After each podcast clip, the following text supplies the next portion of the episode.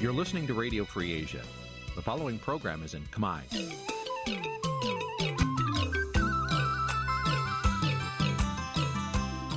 Nǐ chi càm bi tiệp xáy vệt chiu a zì sáy. នេះជាកម្មវិធីផ្សាយរបស់ Vithu Azisari ជាភាសាខ្មែរ វិទ្យុអាស៊ីសេរីសូមស្វាគមន៍លោកអ្នកនាងទាំងអស់ពីរដ្ឋធានី Washington នៃសហរដ្ឋអាមេរិក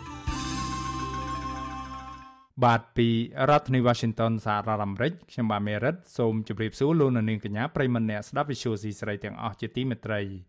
យើងខ្ញុំសូមជូនកម្មវិធីផ្សាយសម្រាប់ព្រឹកថ្ងៃច័ន្ទ8កើតខែសុចឆ្នាំខាលចត្វាស័កពុទ្ធសករាជ2566ដែលត្រូវនឹងថ្ងៃទី3ខែតុលាគ្រិស្តសករាជ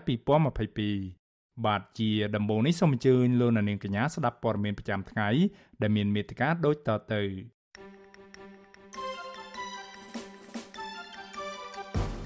បាននយោបាយមួយចំនួនរិះគន់លោកហ៊ុនសែនរឿងយកបានក្រីក្រឃោសនារោគសម្លេងឆ្នោតពីបុរដ្ឋនៅមុនរដូវកាលបោះឆ្នោតមជ្ឈមណ្ឌលទីក្រុងហេងហេងរបស់វិនិយោគិនជនជាតិចិននៅបាវិតរងការចាប់ប្រកាន់ថាកំពុងបង្ខាំងពលរដ្ឋខ្មែរនិងជនបរទេសជាច្រើនអ្នកខុសច្បាប់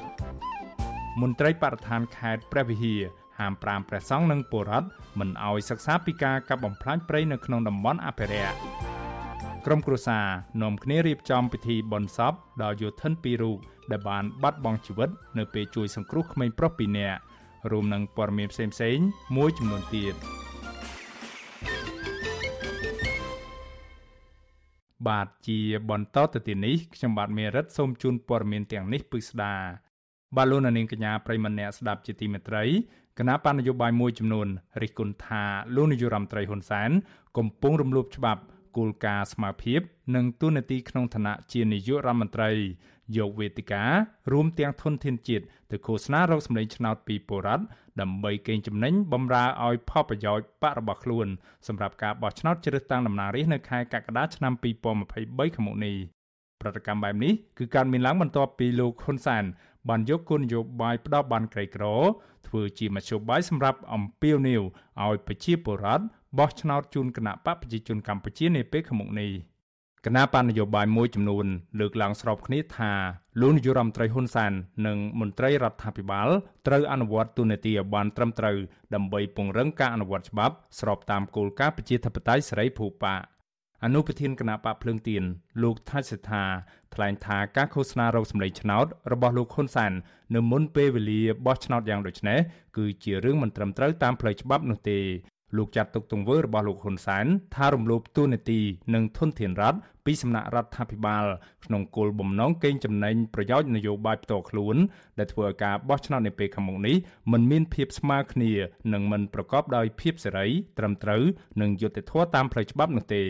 គាត់និយាយពីរឿងកោជបផងគ្រាន់តែទូនាទីមួយរបស់នាយករដ្ឋមន្ត្រីក្នុងឋានៈជាប្រធានគណៈបកប្រជាជនហើយជាគណៈបកកណ្ដាលអំណាចហើយលោកប្រើប្រាស់ទូនាទីនឹងឃោសនាមុនការបោះឆ្នោតទៅហើយហ្នឹងអ្វីដែលយើងថាធានាដល់ការបោះឆ្នោតមួយដោយស្មើភាពគ្នាប្រព្រឹត្តទៅដោយសេរីយុត្តិធម៌ហ្នឹងជាសញ្ញាមួយឃើញច្បាស់ទាំងអស់គ្នាហើយថាវាមិនអាចទៅរួចទេពីព្រោះគណៈដឹកនាំចាប់ផ្ដើមឃោសនាតាំងពីនេះទៅហើយណា ស្រដៀងគ្នានេះដែរប្រធានគណៈកម្មាធិការនយោបាយនៃគណៈបកប្រជាធិបតេយ្យមូលដ្ឋាន លោកយ៉ងសង្គមាយល់ឃើញថាទូនាទីនាយករដ្ឋមន្ត្រីគឺតំណាងឲ្យពលរដ្ឋខ្មែរគ្រប់និន្នាការនយោបាយ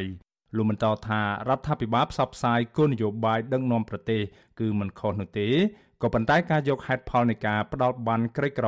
ដើម្បីអំពាវនាវរកសម្លេងឆ្នោតពីពលរដ្ឋនៅមុនរដូវកាលឃោសនាបោះឆ្នោតដូចនេះគឺជាការដឹកនាំប្រទេសបែបច្របូកច្របល់ទូនីតិនិងកាតព្វកិច្ចលោកបញ្ជាក់ថាតាមផ្លូវច្បាប់គណៈបកកណ្ដាលអំណាចមានសិទ្ធិប្រើប្រាស់ថវិកាជាតិដើម្បីអនុវត្តគោលនយោបាយនៅក្នុងអាណត្តិដឹកនាំប្រទេសរបស់ខ្លួនក៏ប៉ុន្តែផ្ទុយទៅវិញលោកមើលឃើញថាសារនយោបាយរបស់មេដឹកនាំបកកណ្ដាលអំណាចបែបនេះអាចធ្វើឲ្យពលរដ្ឋមួយចំនួន យល់ច្រឡំថាគណៈបកប្រឆាំងឬគណៈបកក្រៅរដ្ឋាភិបាលមិនមានប្រាក់ជួយឧបត្ថម្ភដល់ពួកគាត់ប៉ុន្តែនេះមិនមែនជាភាពសញ្ញាគាត់ឃោសនាខ្ញុំគិតថាការធ្វើរបៀបនេះហាក់ដូចជាវាមិនចូលរួមចំណែកពង្រឹងអាទូនាទីរបស់រដ្ឋាភិបាលហើយនឹងទូនាទីគណៈបកយោបាយក្នុងសង្គមណាធ្វើឲ្យមានការច្របូកច្របល់ថែមទៀតហើយចំពោះយើងយល់ថាគួរគាត់បន្តផ្ដោតលើការពង្រឹងទូនាទីរបស់គាត់ឲ្យធ្វើជានាយករដ្ឋមន្ត្រីដ៏ល្អប្រមុខរដ្ឋាភិបាលល្អសម្រាប់ខ្មែរគ្រប់គ្រប់ទៅ ប្រតិកម្មរបស់តំណាងគណៈបណ្ឌនយោបាយបែបនេះកើតមានឡើងស្របពេលដែលការបោះឆ្នោតជ្រើសតាំងតំណាងរាស្ត្រនៅសល់ពេលមិនដល់ជាង10ខែទៀត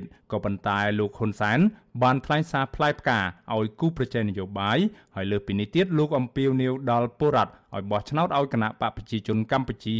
ដឹកនាំប្រទេសបន្តទៀត លោកហ៊ុនសានអះអាងថាគណៈបកប្រជាជនកម្ពុជា សម្រាប់ការបោះឆ្នោតជាតិខាងមុខនេះមិនសន្យាចោលដោយគណៈបកផ្សេងនោះទេក៏ប៉ុន្តែលោកថារដ្ឋាភិបាលដែលដឹកនាំដោយគណៈបករបស់លោកកំពុងអនុវត្តនូវគោលនយោបាយឧបត្ថម្ភសាច់ប្រាក់ជូនពលរដ្ឋជិត3លាននាក់ការឃោសនារបស់លោកហ៊ុនសែននៅចំពោះមុខពលរដ្ឋជិត2000គ្រួសារធ្វើឡើងនៅក្នុងភូមិធម្មជាតិរុនតាឯកស្រុកបន្ទាយស្រីខេត្តសៀមរាបកាលពីថ្ងៃទី1ខែតុលា ខ្ញុំក៏សង្ឃឹមជឿជាក់ថាប្រជាពលរដ្ឋនៅទីនេះតែខ្ញុំបាននឹងកំពុងខិតខំដោះស្រាយបញ្ហាគ្រប់យ៉ាងឲ្យបងប្អូនបែរទៅជាបោះឆ្នោតឲ្យអ្នកដទៃនោះទេខ្ញុំមិនជឿ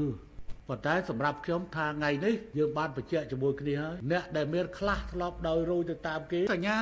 ទេវតាស្រួលសម្គាល់ណាស់ហើយសញ្ញានឹងនៅជាមួយបងប្អូនរហូតបងប្អូនណាឲ្យតែមានការអីទេវតាឲ្យជួយផងមិនអញ្ចឹងវាមិនដែលស្រែកហៅឯណាភ្លើងចលោះជួយផងអត់ទេ តើតើនៅរឿងនេះអ្នកនាំពាក្យគណៈកម្មាធិការជាតិរៀបចំការបោះឆ្នោតហៅកាត់ថាកោចបលោកហងពុធាប្រាវិសុយស៊ីស្រីថាស្ថាប័នរបស់លោកពុំមានភារកិច្ចដោះស្រាយរឿងការឃោសនារោគសម្លេងឆ្នោតរបស់គណៈបកនយោបាយនោះទេដែលលោកអះអាងថាអំឡុងពេលនេះគឺហួសពីដែនសមត្ថកិច្ចរបស់កោចបហើយលោកជំរុញឲ្យភាគីពាក់ព័ន្ធដែលយល់ថាខុសឆ្គងត្រូវប្តឹងទៅអាជ្ញាធរមានសមត្ថកិច្ចដើម្បីដោះស្រាយរឿងនេះវិញ ពេលឥឡូវនេះ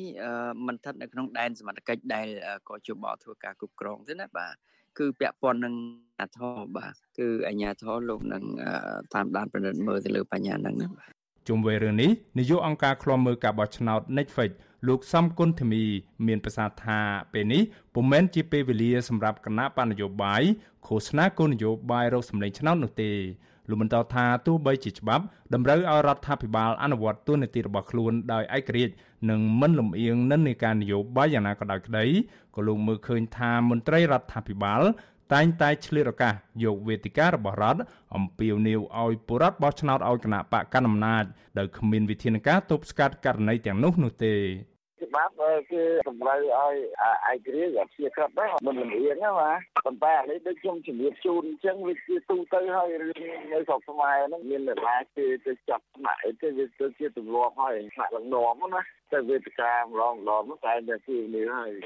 រដ្ឋធម្មនុញ្ញមាត្រា35ចែងថាប្រជាពលរដ្ឋខ្មែរទាំងពីរភេទមានសិទ្ធិចូលរួមយ៉ាងសកម្មនៅក្នុងជីវភាពនយោបាយសេដ្ឋកិច្ចសង្គមគិច្ចនិងវប្បធម៌របស់ប្រទេសជាតិ ក៏ប៉ុន្តែច្បាប់បោះឆ្នោតបានហាមឃាត់មិនឲ្យមន្ត្រីសាធារណៈដូចជានាយករដ្ឋមន្ត្រីជាដើមប្រើប្រាស់នៅទូនាទីរបស់រដ្ឋដើម្បីកេងចំណេញប្រយោជន៍ដល់បករបស់ខ្លួននោះឡើយមាត្រា80នៃច្បាប់បោះឆ្នោតជ្រើសតាំងតំណាងរាស្ត្រហាម5ការប្រើប្រាស់ថវិកាសម្ភារៈមធ្យោបាយដឹកជញ្ជូនដែលជាសម្បត្តិរបស់រដ្ឋដើម្បីធ្វើសកម្មភាពឃោសនាបោះឆ្នោតឲ្យគណៈបណ្ឌនយោបាយណាមួយ ឬបេក្ខជនណាម្នាក់ ទោះជាយ៉ាងណាមន្ត្រីអង្គការសង្គមស៊ីវិលនិងគណៈបណ្ឌនយោបាយនៅតែរកឃើញថាបកកណ្ដាលអំណាចរំលោភលើច្បាប់តាក់ទងទៅនឹងការប្រើប្រាស់ស្ថាប័ននិងធនធានរដ្ឋដើម្បីបម្រើផលប្រយោជន៍នយោបាយរបស់ខ្លួន ដែលជាការរំលោភបំពានលើការបោះឆ្នោតដោយសេរី ត្រឹមត្រូវនិងយុត្តិធម៌ពួកគេរកឃើញថាមន្ត្រីរាជការស៊ីវិលមួយចំនួន បានយកម៉ោងការងារឈ្មោះស្ថាប័ននិងធនធានរដ្ឋទៅបម្រើប្រយោជន៍ឲ្យគណៈបកកណ្ដាលអំណាចដែលផ្ទុយទៅនឹងគោលការណ៍ច្បាប់ ដែលតម្រូវឲ្យមន្ត្រីរាជការត្រូវមានអព្យាក្រឹតភាពនៅក្នុងសកម្មភាពបំពេញការងាររបស់ខ្លួន ស្របតាមច្បាប់និងនីតិវិធីសម្រាប់ការបោះឆ្នោតក៏ប៉ុន្តែគិតមកទល់ពេលនេះសកម្មភាពឃោសនារោគសម្លេងឆ្នោត ដែលរំលោភអំណាចនិងទូនាទី នៅតែបន្តកើតមានឡើងដោយសារគ្មានស្ថាប័នណា មានសមត្ថកិច្ចចាត់វិធានការទៅលើអ្នកប្រព្រឹត្តឲ្យអនុវត្តត្រឹមត្រូវតាមផ្លូវច្បាប់នៅឡើយទេ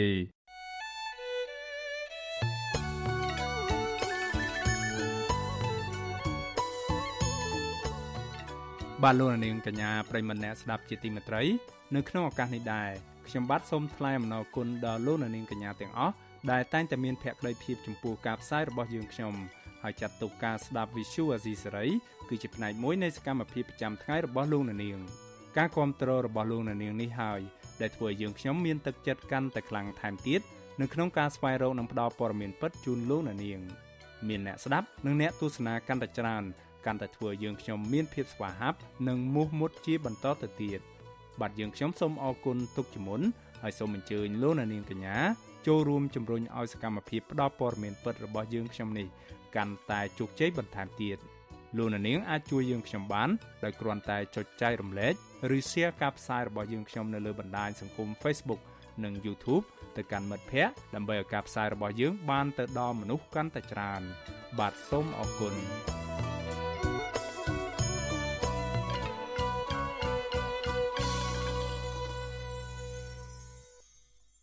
បាទលោកនាងកញ្ញាប្រិមម្នាក់ស្ដាប់ជាទីមេត្រីតកតងនឹងរឿងរ៉ាវនៃការបោះឆ្នោតជ្រើសតាំងតំណាងរាស្ត្រឆ្នាំ2023ខាងមុខនេះដែរ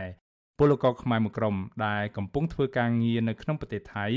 បាននាំគ្នាធ្វើយុទ្ធនាការផ្សព្វផ្សាយដំណឹងដល់ពលករខ្មែរឲ្យទៅចុះឈ្មោះបោះឆ្នោតជ្រើសតាំងតំណាងរាស្ត្រឆ្នាំ2023ខាងមុខមន្ត្រីអង្គការសង្គមស៊ីវិលយល់ឃើញថាពលករចំណាក់ស្រុកនៅក្រៅប្រទេសនៅតែលំបាកវិលត្រឡប់មកបោះឆ្នោត ព្រោះប៉ះពាល់ដល់ការងាររបស់ពួកគាត់និងខាត់បងថវិកាច្រើន បាទអ្នកស្រីសុជីវីរាយការណ៍ព័ត៌មាននេះពលករខ្មែរមួយក្រុមចាំមានគ្នា14នាក់បានចុះធ្វើយុទ្ធនាការផ្សព្វផ្សាយចំណេះដឹងពាក់ព័ន្ធនឹងការបោះឆ្នោតទៅដល់ពលករខ្មែរដែលរស់នៅតាមតំបន់ផ្សេងផ្សេងឲ្យទៅចុះឈ្មោះបោះឆ្នោតនិងពិនិត្យផ្ទៀងផ្ទាត់ឈ្មោះនៅក្នុងបញ្ជីបោះឆ្នោតដើម្បីមានឈ្មោះបោះឆ្នោតនៅឆ្នាំ2023ខាងមុខតំណាងពលករខ្មែរធ្វើការនៅប្រទេសថៃ ចាំមានស្រុកកំណើតនៅក្នុងខេត្តកំពង់ចាមលោកមិចសំណាងលោកប្រាប់វិទ្យុអាស៊ីសេរីនៅថ្ងៃទី2ខែតុលាថាលោកខិតខំប្រម៉ែប្រមូលពលករខ្មែរឲ្យទៅចុះឈ្មោះបោះឆ្នោតព្រោះលោកចង់ឲ្យពលករបំពេញកាតព្វកិច្ចខ្លួន ចេះតាមដានស្ថានភាពនយោបាយនៅក្នុងប្រទេសលោកបន្តថាការដែលលោកធ្វើនេះគឺមិនមានការបញ្ជាពីក្រុមគណៈបកណាមួយនោះទេ គឺកើតចេញពីឆន្ទៈស្រឡាញ់ជាតិពិតប្រាកដរបស់លោក លោកបន្ថែមថាពលករខ្មែរនៅតាមតំបន់ផ្សេងផ្សេងគ្នា ស្វាគមន៍នៅពេលដែលក្រុមរបស់លោកចុះទៅណែនាំអំពីសិទ្ធិនិងអត្ថប្រយោជន៍នៅពេលដែលពួកគាត់បោះឆ្នោតជ្រើសរើសបានមេដឹកនាំល្អ ចោះឈ្មោះបោះឆ្នោតឲ្យបានគ្រប់គ្រប់គ្នាបាទដើម្បីយើងធ្វើការជ្រើសរើសតំណាងរាស្ត្រនៅអាណត្តិទី7ឆ្នាំ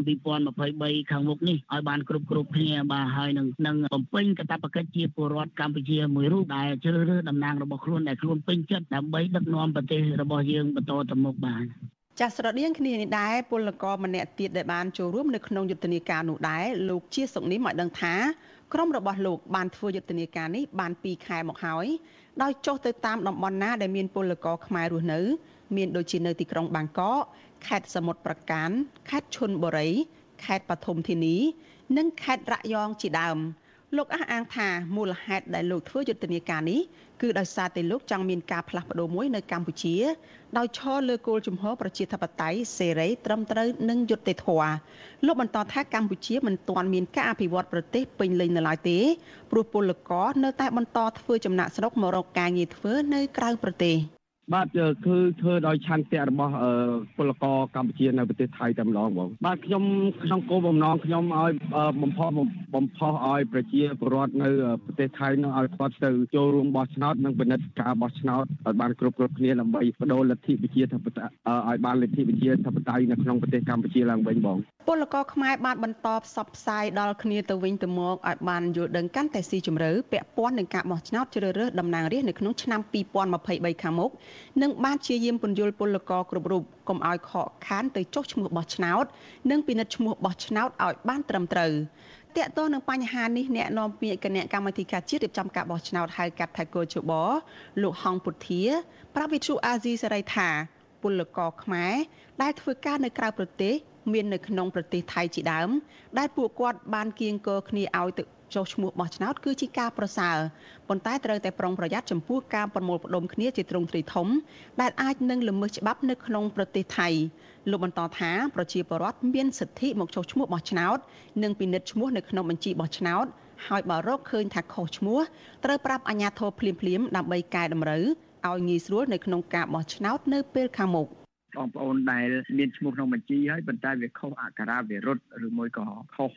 ស្អីបន្តិចបន្តួចនឹងចង់កែគឺអាចទៅស្នើសុំកែណាហើយមួយទៀតកំឡុងពេលនេះក៏បងប្អូនអាចនឹងធ្វើការប្តឹងផ្ដាល់បានដែរបាទប្តឹងយ៉ាងម៉េចឧទាហរណ៍ថាឃើញខ្លះអត់ទាន់គ្រប់អាយុផងតែមានឈ្មោះនៅក្នុងបញ្ជីណាត្រូវបានគេទទួលឲ្យឲ្យធ្វើការចុះឈ្មោះបោះឆ្នោតហើយមួយទៀតអ្នកខ្លះអត់មានសញ្ជាតិខ្មែរផងប៉ុន្តែទទួលបានការចុះឈ្មោះបោះឆ្នោតជាដើមអីអាហ្នឹងគឺយើងអាចប្តឹងផ្ដាល់បានណាអូនបាទ ជុំវិញរឿងនេះដែរនាយកប្រតិបត្តិនៃអង្គការឃ្លាំមើលការបោះឆ្នោតនៅកម្ពុជាហៅកាត់ថា Netflix គឺលោកសំគុណទីមីលោកលើកឡើងថា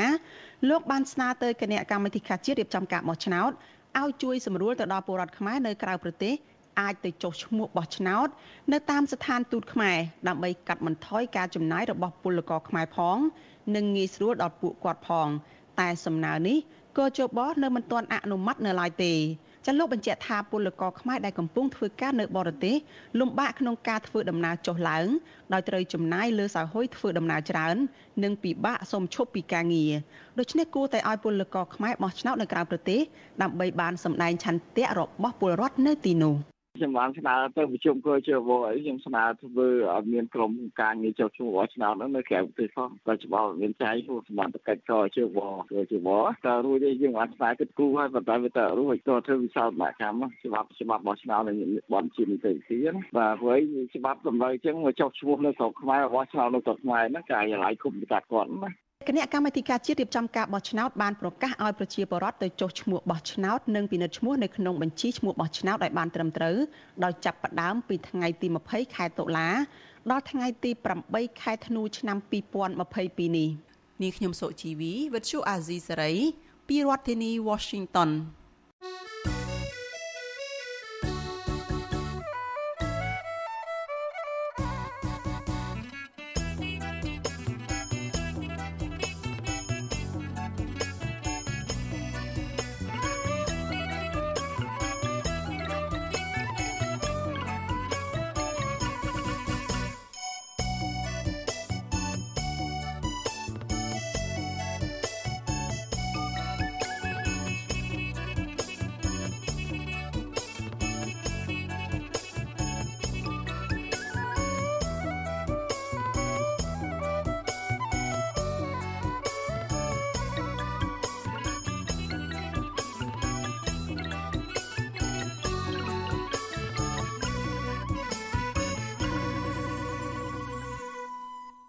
បាទលោកនាងកញ្ញាប្រិមម្នាក់ស្ដាប់ជាទីមេត្រី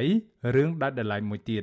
តំណាងសហគមន៍ដីធ្លីបឹងតមុកម្នាក់ដែលអាជ្ញាធរខណ្ឌព្រែកភ្នៅបានបង្ក្រាបដោយហិង្សាបណ្ដាលឲ្យរងរបួសនៅមិនទាន់បានធូរស្រាលនៅឡើយទេហើយលោកស្រីកំពុងសម្រាប់ព្យាបាលរបួសនៅមន្ទីរពេទ្យមន្ត្រីសង្គមស៊ីវិលយល់ឃើញថាគួរស្រាវជ្រាវផ្ដន់ទាទោសតាមផ្លូវច្បាប់ដើម្បីកុំឲ្យមន្ត្រីដទៃទៀតចេះតែប្រើហិង្សាទៅលើពលរដ្ឋតាមអំពើចិត្តបែបនេះតទៅទៀត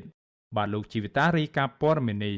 តំណាងសហគមន៍ដីបឹងតមួកលើកឡើងថាអាជ្ញាធរបានចុះហាមឃាត់ប្រជាសហគមន៍មិនឲ្យធ្វើទ្វារផ្ទះនិងបំរុងរឹបអូសយកសម្ភារៈទ្វារផ្ទះរបស់ពលរដ្ឋពួកគាត់ថាអាជ្ញាធរមូលដ្ឋាន ឬប្រជាការពារបានទាត់ភ្នក់ភ្លើងនៅមុខផ្ទះប្រជាពលរដ្ឋទើបបង្កឲ្យមានការប៉ះទង្គិចគ្នា ហើយអាជ្ញាធរបានបង្កហិង្សាបណ្ដាលឲ្យអ្នកស្រីប្រាក់សុភារងរបួស បច្ចុប្បន្នអ្នកស្រីប្រាក់សុភាកំពុងសម្រាប់ព្យាបាលរបួសនៅមន្ទីរ Clinic សុភពស្ត្រីស្វាយប៉ាតំណាងសហគមន៍ដីបឹងតាមួកលោកស្រីផនសុខុមប្រាប់វិទ្យុអាស៊ីស្រីនៅថ្ងៃទី2តុលាថាលោកស្រីសោកស្ដាយខ្លាំងដែលអាជ្ញាធរបានប្រើអំពើហិង្សាទៅលើតំណាងសហគមន៍អ្នកស្រីប្រាក់សុភាដោយសារតែអ្នកស្រីការពារទ្រព្យសម្បត្តិរបស់ខ្លួន។ លោកស្រីបន្តថាអាញាធរចុះរារាំងនឹងបង្កបញ្ហាដល់សហគមន៍ដោយទាត់ភ្នក់ភ្លើងទៅកាន់ប្រជាពលរដ្ឋលោកស្រីបន្តអះអាងថាតំណាងពលរដ្ឋអ្នកស្រីប្រាក់សុភា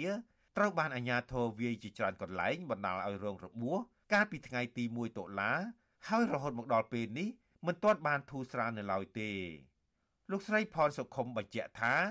ពួកគាត់រស់នៅតំបន់បឹងតមួកតាំងពីឆ្នាំ1980 និងអាស្រ័យផលស្រែប្រាំងជាប្រចាំប៉ុន្តែក្រោយពីមានការស្តុកទុកទឹក និងលុបបឹងធ្វើឲ្យប៉ះពាល់ដល់ការរស់នៅ និងការប្រកបរបរចិញ្ចឹមជីវិតរបស់ពលរដ្ឋអ្នកស្រីអំពីវនីវដល់រដ្ឋាភិបាលឲ្យដោះស្រាយបញ្ហាដីធ្លីនៅបឹងតាមុក ពួកគាត់យកអាបែកជើងប៊ូជាការពារហ្នឹងមកទាត់ភ្លើងលើពួកខ្ញុំព្រៀបទៅណាបានបានកាត់ស្ដាមបតាយបតុងគ្នាអូនខាងកលីសង្កាត់ខ្ញុំអាជ្ញាធរខាងសង្កាត់ខ្ញុំគាត់ចូលរួមដែរគាត់ឃើញគាត់ឃើញថាអាជ្ញាធរធ្វើយើងមុនមិនមែនយើងធ្វើមុនទេណាគាត់ទាត់ភ្លើងលើយើងបានយើងមានការបតាយបតំអូនមិនដែរមនុស្សយើងឲ្យគេមកដុតយើងទាំងរស់ទេមែនទេអញ្ចឹងយើងមានការតស៊ូចំណែកតំណាងសហគមន៍ដីធ្លីបឹងតាមុកដែលរងអំពើហិង្សា ហើយកំពុងសម្រាកនៅមន្ទីរពេទ្យអ្នកស្រីប្រាក់សុភាលើកឡើងថា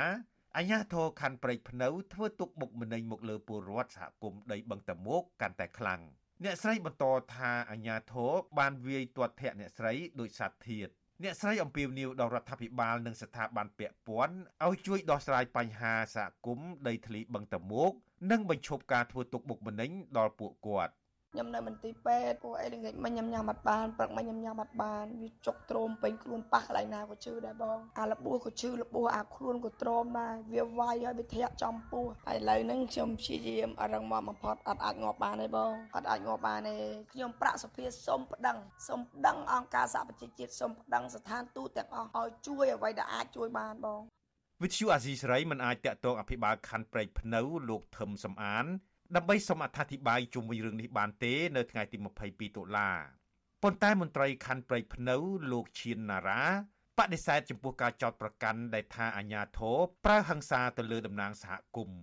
លោកបន្តថាអញ្ញាធរគ្រាន់តែហាមឃាត់ការសាងសង់លើដីចំណីផ្លូវសាធារណៈរបស់រដ្ឋប៉ុណ្ណោះព្រោះរដ្ឋនឹងធ្វើការពង្រីកផ្លូវ គេទៅហាមឃាត់នឹងហាមឃាត់តែនេះទេគាត់តែគាត់ចំណងគាត់គាត់ធ្វើនៅលើដីសាធារណៈពួកដីគេត្រូវបរិចផ្លូវបរិចអីទៅប៉ុណ្ណឹងទេណាអត់មានអ្នកណាប៉ះពាល់គាត់ទេបងអត់មានអ្នកណាប៉ះពាល់គាត់ទេអត់មានទេជុំវិញរឿងនេះដែរនាយកកិច្ចការទូតទៅផ្នែកសិទ្ធិមនុស្សនៃអង្គការសិទ្ធិមនុស្សលីកាដូលោកអំសំអាតថ្លែងថា ករណីនេះអាជ្ញាធរឬស្ថាប័នពាក់ព័ន្ធត្រូវបង្កើតក្រុមការងារចុះស៊ើបអង្កេតដើម្បីផ្ដល់យុត្តិធម៌ដល់ជនរងគ្រោះនៅអំពើហឹង្សានិងអ្នកដែលរងការចោទប្រកាន់ថាប្រើអំពើហឹង្សាលោកអំសំអាតបញ្ជាក់ថាកាលណាមានអំពើហឹង្សាកើតឡើងហើយគ្មានការស៊ើបអង្កេតនិងផ្ដន្ទាទោសអ្នកប្រព្រឹត្តនោះទេ វានឹងក្លាយទៅជាវប្បធម៌មួយជួយគ្រប់គ្រងនិងលើកទឹកចិត្តឲ្យមានការប្រើអំពើហិង្សាបន្តទៀត។ បើសិនជាសហគមន៍គាត់ចោទប្រកាន់ទៅលើអាជ្ញាធរហើយអាជ្ញាធរមានការប្រកែកវាមានតែមួយទេគឺបង្កើតគណៈកម្មការធ្វើការស៊ើបអង្កេតដោយឯករាជ្យដំណាភាពនិងយុត្តិធម៌ដើម្បីស្វែងរកការពិតហើយនឹងជាការទប់ស្កាត់ដើម្បីកុំឲ្យការប្រើប្រាស់នៃអំណាចឧហេតុដោយខុសនឹងច្បាប់តទៅទៀតជាការពិតរឿងព្រមត្តនបុគ្គលណាដែលប្រព្រឹត្តបុគ្គលនឹងអ្នកទទួលខុសត្រូវ ប្រជាពលរដ្ឋដែលរស់នៅក្បែរបឹងតមោកតែងត្រូវអាជ្ញាធរធ្វើទុកបុកម្នេញជាបន្តបន្ទាប់ក្រោយពីលោកនាយករដ្ឋមន្ត្រីហ៊ុនសែនសម្រេចកាត់ជ្រៀលផ្ទៃដីបឹងតមោកនិងអនុញ្ញាតឲ្យមានការចាក់ដីលុបអស់រាប់រយហិកតាគិតត្រឹមពីឆ្នាំ2018ដល់ឆ្នាំ2021ទំហំដីបឹងតមោកមានចំនួនជាង2000ហិកតាហើយក្នុងចំណោមផ្ទៃដីសរុបជាង3000ហិកតាដែលរដ្ឋាភិបាលបានកាត់និងដោះដូរទៅឲ្យស្ថាប័នរដ្ឋក្រុមហ៊ុនឯកជន និងមនុស្សមួយក្រុមដែលជាអ្នកមានលុយមានអំណាចដើម្បីសាងសង់អគារបូរីវីឡានិងខុនដូជាដើមធ្វើជាសម្បត្តិឯកជនខ្ញុំជីវិតាអាស៊ីសេរី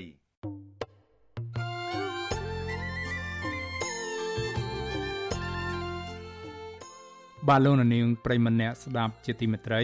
ដំណើរគ្នានឹងស្ដាប់ការផ្សាយរបស់ Visual Asia សេរីតាមបណ្ដាញសង្គម Facebook និង YouTube លោកអ្នកនាងក៏អាចស្ដាប់កម្មវិធីផ្សាយរបស់ Visual Asia សេរី តាមប្រឡូកធារកាសខ្លីឬ Shortwave តាមកម្រិតនិងកម្ពស់ដូចតទៅនេះពេលព្រឹកចាប់ពីម៉ោង5កន្លះដល់ម៉ោង6កន្លះតាមរយៈរលកធារកាសខ្លី12140 kHz ស្មើនឹងកម្ពស់ 25m និង13715 kHz ស្មើនឹងកម្ពស់ 22m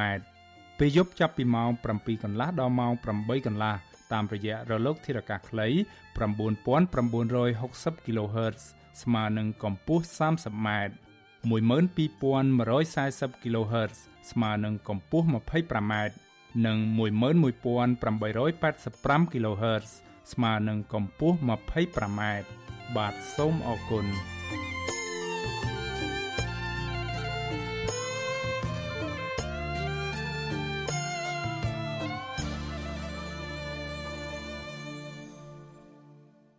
បាទលោកនាងកញ្ញាប្រិមម្នាក់ស្ដាប់ជាទីមេត្រីរឿងរ៉ាវពាក់ព័ន្ធទៅនឹងការបង្ក្រាបលបែងស៊ីសងវិញម្ដងបាទប្រជាពលរដ្ឋនៅក្រុងកំពតនិងខេត្តកំពង់ស្ពឺអះអាងថាលបែងស៊ីសងគ្រប់ប្រភេទនៅតែកើតមានឡើងនៅក្នុងសហគមន៍របស់ពួកគេរស់នៅបើទោះបីជាអាជ្ញាធរបង្ក្រាបលបែងស៊ីសងទ្រង់ទ្រាយធំយ៉ាងណាក្តីមន្ត្រីសង្គមស៊ីវិលយល់ឃើញថាដើម្បីលុបបំបាត់លំបែងស៊ីសងឲ្យមានប្រសិទ្ធភាព រដ្ឋាភិបាលគួរលុបចោលការផ្ដល់អាជ្ញាប័ណ្ណលបែងស៊ីសងទាំងអស់ដែលរួមទាំងឆ្នោតផ្សងសំណាងផង បាទពីរដ្ឋធានី Washington លោកសនច័ន្ទរដ្ឋារីកាព័រមេនីប្រជាប្រដ្ឋម្នាក់នៅក្នុងក្រុងកំពតលោកមីវាសនាប្រាប់វិទ្យុអេស៊ីសរ៉ៃថ្ងៃទី2ខែតុលាថាលបាយស៊ីសងនៅតែមានតាមហាងកាហ្វេមានលបាយលូតូអនឡាញជុលមន់អនឡាញនិងឆ្នោតវៀតណាមផងដែរលោកមីវាសនាបន្ថែមថាអាញាធមមូលដ្ឋានមិនអាចបង្ក្រាបលបាយស៊ីសងបានទេដោយសារអ្នកបើកលបាយស៊ីសងទៅនេះ តែមានមន្ត្រីធំធំការពីក្រៅក្នុងការពារដល់ពួកគេរាជរដ្ឋាភិបាលឲ្យសំណូមពរឲ្យយើងឈប់ផ្អាកលេងគឺយើងផ្អាកអត់កើតទេព្រោះប្រជាជនអាខ្លះក៏មានជុលមន់ជុលអីដែរបងអើយដល់នេះបាទដែរសង្គមចាំសង្គមវាពុកលួយហ្មងឲ្យថាអូទីហោបលិសចូលទៅដល់ក៏ដោយបលិសចូលទៅដល់ឲ្យលើបលិសខាតហើយស្រដៀងគ្នានេះដែរពលរដ្ឋម្នាក់ទៀតនៅក្នុងខេត្តកំពង់ស្ពឺលោកថៃសផាតប្រាវេតជួស៊ីសេរីថាលបៃស៊ីសងខុសច្បាប់នៅក្នុងសហគមន៍របស់លោកនៅតែមានដដែល ដោយគ្រាន់តែមិនបើកចំហដោយកាលពីមុនតែប៉ុណ្ណោះលោកថៃសុផាតបន្ថែមថានៅកន្លែងខ្លះគេនៅតែលួចលេងល្បែងលូតូអនឡាញជុលមនអនឡាញដោយទីតាំងទៅនោះនៅជុំវិញទីរំខេត្តកំពង់ស្ពឺវិទ្យុអេស៊ីសេរីមិនទាន់អាចតតទៅណែនាំពីក្រសួងមហាផ្ទៃលោកខៀវសុភ័ក្រដើម្បីបកស្រាយអំពីការចុះបង្ក្រាបល្បែងស៊ីសងដោយខុសច្បាប់នេះបាននៅឡើយទេ នៅថ្ងៃទី2ខែតុលាដោយទូរស័ព្ទចូលទៅគ្មានអ្នកទទួលទោះបីជាយ៉ាងណា កាលពីថ្ងៃទី29កញ្ញាលោកហ៊ុនសែនមានប្រសាសន៍ក្នុងវេទិកាជាតិអន្តរសាសនាប្រឆាំងការជួញដូរមនុស្សលើកទី6ថាការទប់ស្កាត់មិនឲ្យមានលបែងស៊ីសងគន្ទុយលេខវៀតណាមថៃគឺជាការលំបាកហើយលោកបាយជាអំពាវនាវកុំឲ្យបរដ្ឋលេខលបែងស៊ីសងទៅវិញឥឡូវទៅទប់អ្វីបើវៀតណាមគាត់ចេញមកថាមិនចេះវៀតណាមទេប៉ុន្តែលេងឆ្នោតវៀតណាមហើយឥឡូវទៅរាំងស្កាត់អ្វីឥឡូវមានវិធីអីទប់ទប់ទប់វាមិនជាប់ប៉ុន្តែឥឡូវនេះគឺថាវិធីទប់ មានតែទីមួយសំណូមពរប្រជាពលរដ្ឋកុំលេងតទៅទៀតຕົកលុយទៅជុំវិញរឿងនេះក្រមប្រសាខ្លមើកម្ពុជាលោករងឈុនយកឃើញថាមូលហេតុដែលធ្វើអាញាធមូលដ្ឋានមិនអាចបង្ក្រាបការលេងល្បែងស៊ីសងបានគឺបណ្ដាលមកពីបញ្ហាពុរលួយដោយម្ចាស់ទីតាំងបើកបនល្បែងតែមានមន្ត្រីធំធំមានឥទ្ធិពលការពីមិនឲ្យអាញាធរចុះទៅបង្ក្រាបជាមួយគ្នានេះលោករងឈុនលើកឡើងថាការសំណូមពររបស់លោកហ៊ុនសែនកុំឲ្យប្រត់លេងល្បែងស៊ីសងគ្រាន់តែជាការពលបែបប្រជាពិធដ្ឋ ដើម្បីតាក់ទាញការគ្រប់គ្រងស្របពេលដែលលោកមិនហ៊ានដកមន្ត្រីណាដែលទទួលបានលុយសំណុកពីការការពារដល់ម្ចាស់បនលបែងទៅនោះទេលោកថាអ្នកញៀនលបែងគឺស្តៀងទៅនឹងអ្នកញៀនថ្នាំដែរដូច្នេះដើម្បីដោះស្រាយបញ្ហានេះរដ្ឋាភិបាលត្រូវដកអាជ្ញាប័ណ្ណលបែងស៊ីសងគ្រប់ទម្រង់ទើបអាចបានជោគជ័យ។ ខ្ញុំគិតថាការដែលគាត់ប្រកាសអំពាវនាវថាមិនឲ្យជាពលរដ្ឋលេងនឹងវាជាការល្អហើយប៉ុន្តែសំណួរសួរថាតើទប់ស្កាត់បានទេ វាមិនអាចទប់ស្កាត់បានទេអញ្ចឹងដើម្បីប្រសិទ្ធភាពវាត្រូវតែ មានវិធានការចាប់មេខ្លោងធំធំអ្នកដែលបើកបនដបែងបើកអីនឹងយកមកអនុវត្តទៅតាមច្បាប់ទៅអានឹងបានវាមានប្រសិទ្ធភាពហើយវាអត់មានអីនឹងពិបាករកទេពីព្រោះនៅក្នុងដែនដីនីមួយៗហ្នឹងដឹងច្បាស់ហ่าពីព្រោះភាគច្រើនក៏ត្រូវទទួលសំណូកសុបានពីអ្នកដែលបើកបែងស៊ីសងទាំងអស់ហ្នឹងដែរកាលពីថ្ងៃទី17ខែកញ្ញាលោកហ៊ុនសែនបានប្រកាសថាលោកនឹងដកតំណែងអភិបាលខេត្តឬក៏អភិបាលស្រុកបើសិនពួកគេមិនបង្ក្រាបលបែងស៊ីសងខុសច្បាប់នៅក្នុងមូលដ្ឋានរបស់ពួកគេបានភ្លាមភ្លាមក្រោយពីមានបញ្ជាពីលោកហ៊ុនសែនអញ្ញាធិគ្រប់រាជធានីខេត្តបានចុះបង្ក្រាបទីតាំងបលបែងជាបន្តបន្ទាប់ប៉ុន្តែការលេងលបែងស៊ីសងនៅតែបន្តកើតមានដដែល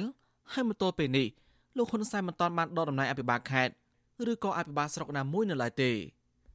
ខ្ញុំសនចាររថាវិទ្យុអេស៊ីសេរីរាយការណ៍ពីរដ្ឋធានីវ៉ាស៊ីនតោន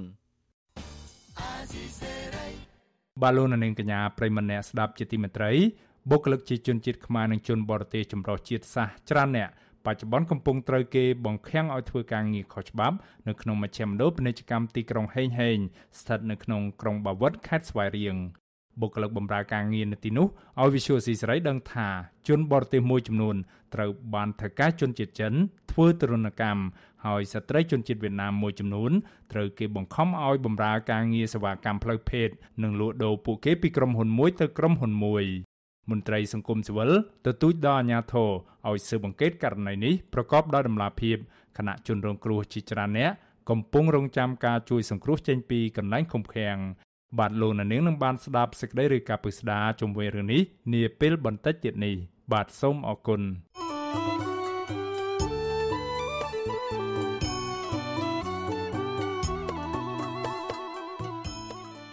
បាទលោកនាងប្រិមម្នាក់ស្ដាប់ជាទីមេត្រីក្រៅពីតាមដានកម្មវិធីផ្សាយរបស់ Visual C ស្រីតាមបណ្ដាញសង្គម Facebook YouTube និង Telegram លោកនាងក៏អាចតាមដានកម្មវិធីផ្សាយរបស់យើងតាមបណ្ដាញសង្គម Instagram ដែលមានអាសយដ្ឋាន instagram.com/rfa ខ្មែរ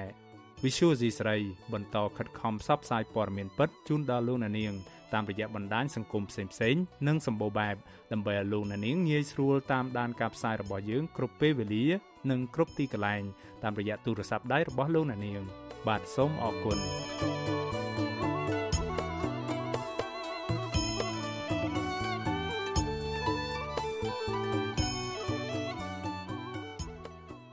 បាឡូណានាងកញ្ញាប្រិមម្នាក់ស្ដាប់ជាទីមេត្រីរឿងរ៉ាវទាក់ទងទៅនឹងការកាប់បំផ្លាញព្រៃនៅក្នុងតំបន់អភិរក្សវិញម្ដងបាទព្រះសង្ឃនិងយុវជនរិះគន់មន្ត្រីបរិស្ថានខេត្តព្រះវិហារថាបានរារាំងដល់ក្រុមអ្នកស្រឡាញ់បរិស្ថានមិនឲ្យចូលទៅតំបន់អភិរក្សព្រៃព្រះរកាស្ថិតនៅក្នុងឃុំប្រមេស្រុកត្បាញមានជ័យនៃខេត្តព្រះវិហារដើម្បីទៅសិក្សាពីផលប៉ះពាល់នៃការកាប់បំផ្លាញព្រៃឈើព្រះដេចគុណជ្រួញអូនបានប្រាប់សារព័ត៌មាន VOD ថា ព្រះអង្គនិងក្រុមអ្នកស្រឡាញ់បរិស្ថានផ្សេងទៀតមានបំណងចូលទៅសិក្សារៀនសូត្រពីផលប៉ះពាល់នៃការកាប់បំផ្លាញព្រៃឈើនិងការអភិរក្សព្រៃឈើរបស់ជនជាតិដើមភាគតិចគួយក្រោយពីបានទទួលដំណឹងមកថាព្រៃឈើនៅក្នុងតំបន់អភិរក្សព្រៃព្រះរកាកំពុងមានបទល្មើសបន្តកើតមានឡើង ព្រះដេចគុណជ្រួញអូន បញ្ជាក់បន្ថែមថាអាញាធររៀបរៀងក្រុមអ្នកស្រឡាញ់បរិស្ថានមិនឲ្យចូលក្នុងព្រៃអភិរក្សដោយប្រែហេតុផលថាគ្មានលិខិតអនុញ្ញាតពីក្រសួងបរិស្ថានក៏ប៉ុន្តែទោះជាយ៉ាងណាមាត្រា29ចំពុកទី7នៃច្បាប់ស្តីពីតំបន់ការពារធម្មជាតិចែងថាពលរដ្ឋព្រះសង្ឃសិស្សានុសិស្សមន្ត្រីរាជការកងកម្លាំងប្រដាប់អាវុធនិងអាជ្ញាធរមូលដ្ឋាន មានករណីយកិច្ចចូលរួមការពារអភិរក្សនិងស្ដារធនធានធម្មជាតិឡើងវិញនៅក្នុងតំបន់ការពារធម្មជាតិក្រុមអ្នកស្លាញ់បរិស្ថានស្នើដល់ក្រសួងបរិស្ថានឲ្យបើកទូលាយដល់ពលរដ្ឋទូទៅអាចចូលរួមឃ្លាំមើលធនធានធម្មជាតិជាពិសេសតំបន់ដែលរងការកាប់បំផ្លាញដើម្បីទប់ស្កាត់កុំឲ្យបទល្មើសព្រៃឈើនៅតែបន្តកើតមានឡើងដដែលនោះ។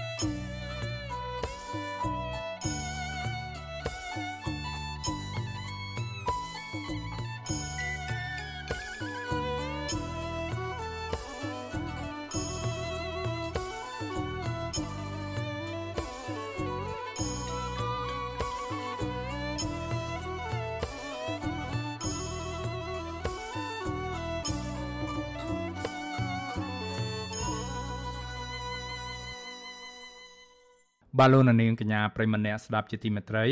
រឿងដាច់ដライមួយទៀតក្រុមគ្រួសារបានទទួលយកសាកសពយោធិន2រូបដែលបានបាត់បង់ជីវិតនៅពេលចោះជួយសង្គ្រោះក្មេងប្រុស2នាក់នៅតំបន់ព្រំដែននៅក្នុងខេត្តឧត្តរមានជ័យយកទៅធ្វើបុណ្យតាមប្រពៃណីកាលពីល្ងាចថ្ងៃទី1ខែតុលា ទូរទស្សន៍ជាតិកម្ពុជាតតកបានរាយការណ៍ថាសពពលតូវ៉ាន់ថនមានអាយុ23ឆ្នាំត្រូវក្រុមគ្រួសារនាំយកទៅធ្វើបុណ្យនៅភូមិច័ន្ទក្រហម ស្រុកបន្ទាយអំពិលរីឯសពពលបាលឯកឈុនស៊ីដេតមានអាយុ39ឆ្នាំត្រូវបានអង្គភាពរៀបចំធ្វើពិធីបុណ្យនៅឯបន្ទាយប្រាសាទតាមាន់ខេត្តឧត្តរមានជ័យ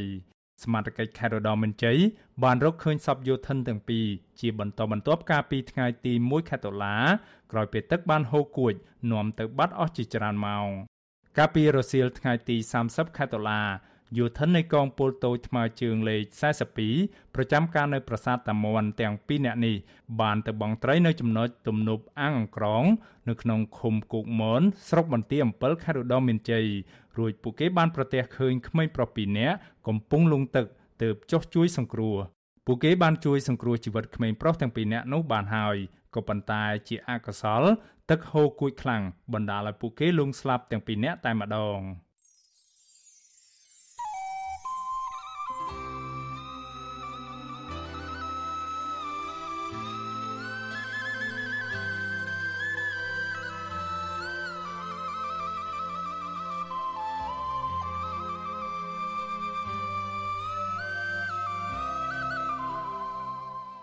បាទលោកនាងកញ្ញាប្រិមម្នាក់ស្ដាប់ជាទីមេត្រី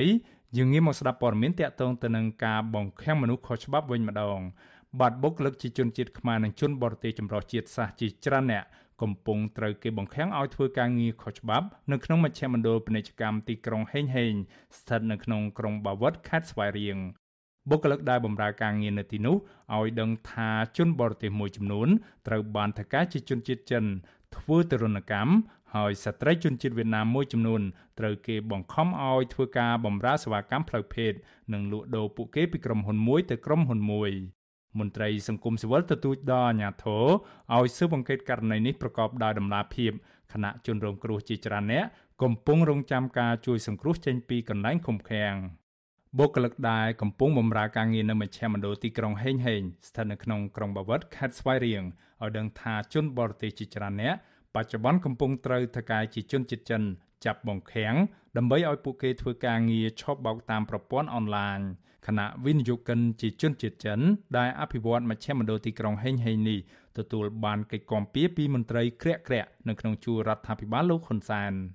បុគ្គលិកម្នាក់ដែលបច្ចុប្បន្នកំពុងបម្រើការងារនៅមជ្ឈមណ្ឌលទីក្រុងហេងហេងថ្លែងសុំមិនបញ្ចេញឈ្មោះព្រោះបារម្ភពីបញ្ហាសុវត្ថិភាពឲ្យ Visual C ស្រីដឹងថា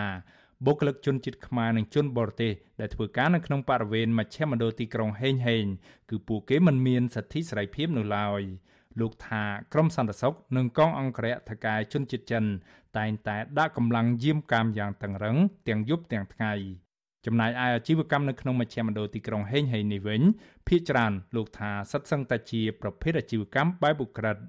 បុគ្គលិកដែលបម្រើការងារនៅក្នុងមជ្ឈមណ្ឌលទីក្រុងហេងហេងដដែលនេះ សង្កេតឃើញថាជាញឹកញយជនជាតិចិនតែងតែនាំមនុស្សចូលស្ងាត់ស្ងាត់និងបញ្ជូនមនុស្សចេញទៅក្រៅយ៉ាងអាត់កំបាំង។ ក្នុងនោះវាមានទាំងអនឡាញខុសច្បាប់វាមានទាំងជួញដូរមនុស្សវាមានទាំងអស៊ីផ្លូវភេទវាមានទាំងក្លឹបមានទាំងវិណាមជួញដូរថាក្នុងយប់លេខ1000ដុល្លារឬក៏300ឬក៏អង្គុយលេងនឹង100ឬក៏60ដុល្លារជាទៅក្នុងនោះវាមានម៉ាស៊ីនមានទាំងក្លឹបវាមានទាំងការ៉ាអូខេវាមានទាំងស្អីស្អីមកសពមានទាំងបាយមានទាំងស្អីស្អីនៅក្នុងនោះអស់ចឹងណាហើយរកបុគ្គលិកធ្វើការនៅក្នុងនោះគឺគេដកប៉ាសពតគេដកស្អីស្អីនៅក្នុងនោះដករបស់ចឹងណាហើយគេឲ្យចិញ្ចឹមទេព្រោះថាអ្នកដែលធ្វើការនៅក្នុងនោះខ្ញុំត្រូវរយៈពេល6ខែចឹងតើអ្នកបុគ្គលនឹងធ្វើការបាន6ខែបានគេឲ្យប៉ាសពតឬក៏គេឲ្យតែបានវិញចឹងណាបង មជ្ឈមណ្ឌលទីក្រុងហេងហេងស្ថិតនៅជាប់ព្រំប្រទល់ប្រទេសវៀតណាមនៅក្រុងបាវិតខេត្តស្វាយរៀងគម្រោងទីក្រុងរណបបែបពហុពាណិជ្ជកម្មនេះគឺជារបស់ក្រុមហ៊ុន Henghi Investment and Development Group ដែលអគ្គនាយកនៃក្រុមហ៊ុននេះមានឈ្មោះស៊ូលៀងសេងលោកស៊ូលៀងសេងគឺជាអ្នកជំនួញជនជាតិចិនដែលស្និទ្ធនឹងរដ្ឋាភិបាលលោកហ៊ុនសែន នៅក្នុងពិធីសម្ពោធគម្រោងទីក្រុងរណបហេងហេងកាលពីថ្ងៃទី12ខែធ្នូឆ្នាំ2018កន្លងទៅគេសង្កេតឃើញមានវត្តមានអភិបាលក្រុងបាវិតលោកសេងសេឡានិងទីប្រឹក្សារដ្ឋសភាលោកហេងសំរិន គឺឧត្តមស្នេហ៍ឯកអុកកោសាចូលរួមថ្លែងសន្ទរកថាគាំទ្រគម្រោងនេះ លោកស៊ូលៀងសេងក៏មានឈ្មោះវិនិយោគនៅលើអាជីវកម្មជាច្រើនទៀតនៅកម្ពុជាមិនតិចជាង10ក្រុមហ៊ុនរាប់ចាប់តាំងពីវិស័យចលនាទ្រព្យដល់វិស័យធនាគារមជ្ឈមណ្ឌលទីក្រុងហេងហេងមានអគារសរុបចំនួន23អគារហើយនៅក្នុងអគារនីមួយៗមានកម្ពស់20ជាន់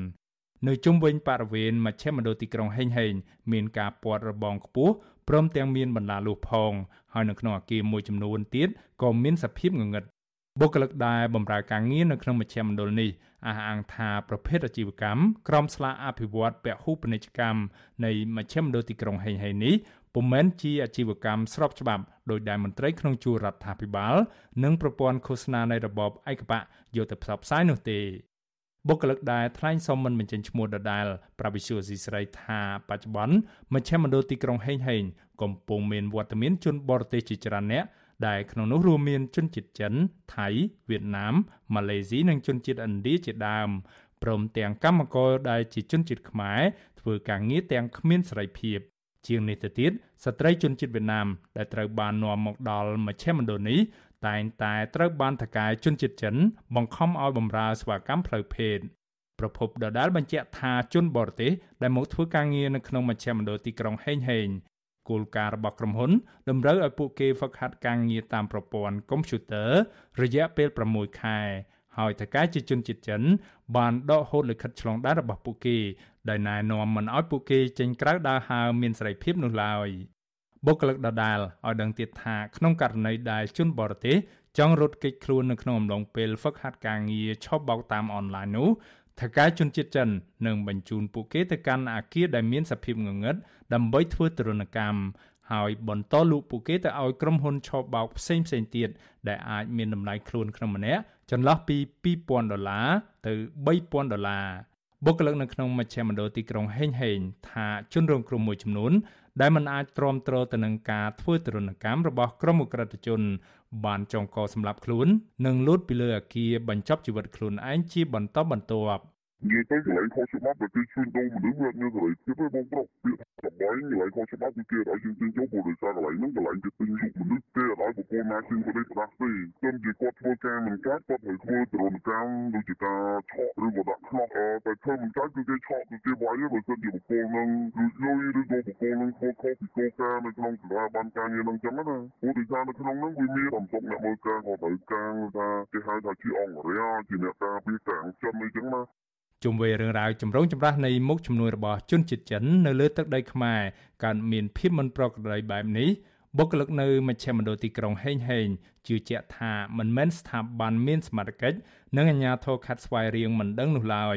តែគ្រាន់តែមន្ត្រីអាជ្ញាធរថ្នាក់ក្រោមជាតិគ្មានអធិបុលបង្ក្រាបនិងបន្តទទួលលុយសំណូកពីក្រុមអ ுக ្រិតជន